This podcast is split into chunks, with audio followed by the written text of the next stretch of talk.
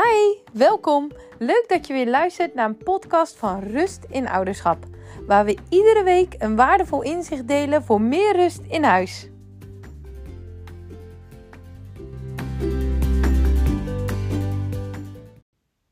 Hi, welkom bij weer een nieuwe aflevering. Wie betrapt zich er niet op dat je na een drukke werkdag of misschien een hele dag met de kinderen zo snel mogelijk dat bedritueel achter de rug wil hebben, zodat je tijd overhoudt voor jezelf? En daarbij wil je dan vaak ook nog dat je kind zo snel mogelijk in slaap valt, zodat je het misschien ook een beetje afgevinkt hebt. Terwijl eigenlijk juist daar uitgebreide tijd aan besteden en zorgen dat je kind kalm naar bed gaat, bijdraagt aan een goede slaap en een goede nachtrust. En tegelijk zeggen wij is het ook een moment waarvan je kan en mag genieten.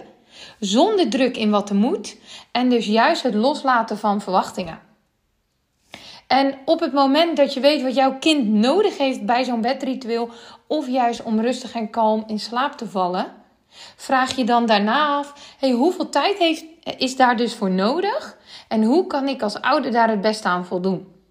En dat begint vaak al met het schakelmoment van beneden naar boven gaan. En neem even de tijd. Sluit aan bij wat je kind op dat moment aan het doen is. Beweeg soms ook eventjes mee. Gebruik bijvoorbeeld humor hè, of een wedstrijdje, net wat er maar bij jouw kind past. En zo hebben wij thuis ook allerlei verschillende manieren. Daar waar ik vaak even kijk wat mijn kind aan het doen is. Om bijvoorbeeld als ze een spelletje aan het doen zijn, nog even aan te sluiten en dan te zeggen: ja, als het spelletje klaar is, gaan we naar boven. En dan vaak ook nog zegt: hey, wie het eerste boven is. En ik ben altijd degene die verliest. Zegt mijn man bijvoorbeeld vaak: hey, wie wil er op mijn rug? En wie klimt er op mijn buik naar boven? En neemt hij ze zo allebei mee naar boven. Dus kijk daar, hey, wat past er bij mijn kinderen om even dat momentje naar boven, dat schakelen, om ze daar even bij te helpen. Is ook maar net of jouw kind daar dus aandacht bij nodig heeft. Hè? Misschien is het voor jouw kind juist heel makkelijk om te schakelen. En als jij zegt, kom, we gaan naar boven, dat hij direct gaat. En op het moment dat je dan boven bent, wat heeft je kind dan voor je nodig? Is dat bijvoorbeeld eerst een warme douche? Of zoals bij mijn zoon alle knuffels goed leggen?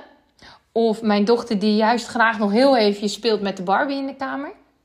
Of is het misschien wel juist één op één echt even kletsen? Of een boekje lezen? Of wat bij ons thuis ook een favoriet is, even een meditatieverhaaltje. Of misschien werkt het voor jouw kind wel dat iedere avond dat bedritueel op dezelfde manier gaat en op dezelfde volgorde.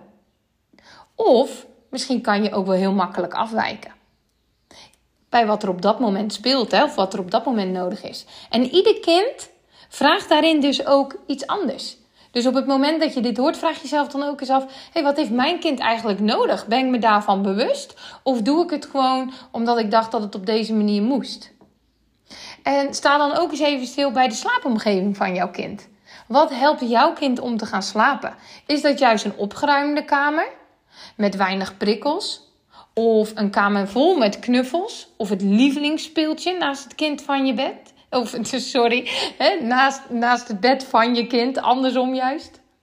En is dat juist wel of geen muziekje om in slaap te vallen?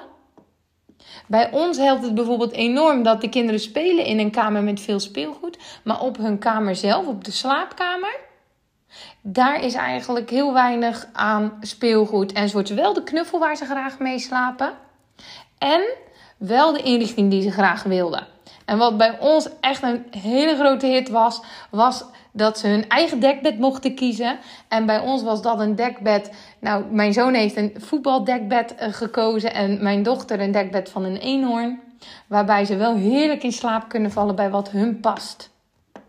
En dan als je kinderen in bed liggen, wat heeft je kind dan voor jou nodig? Is dat nabijheid of mag je gelijk weg uit de kamer? Heeft je kind het even nodig dat je bij hem of haar gaat liggen? Of misschien wel dat je op dezelfde verdieping rondloopt, hè, dat je even nog een was doet. En kijk daarin vooral wat hebben jouw kinderen nodig? Want dat kan voor ieder kind anders zijn. En wanneer je weet wat je kind nodig heeft en daar dus ook een realistische verwachting van hebt, dan ben je dus ook minder snel teleurgesteld of gefrustreerd.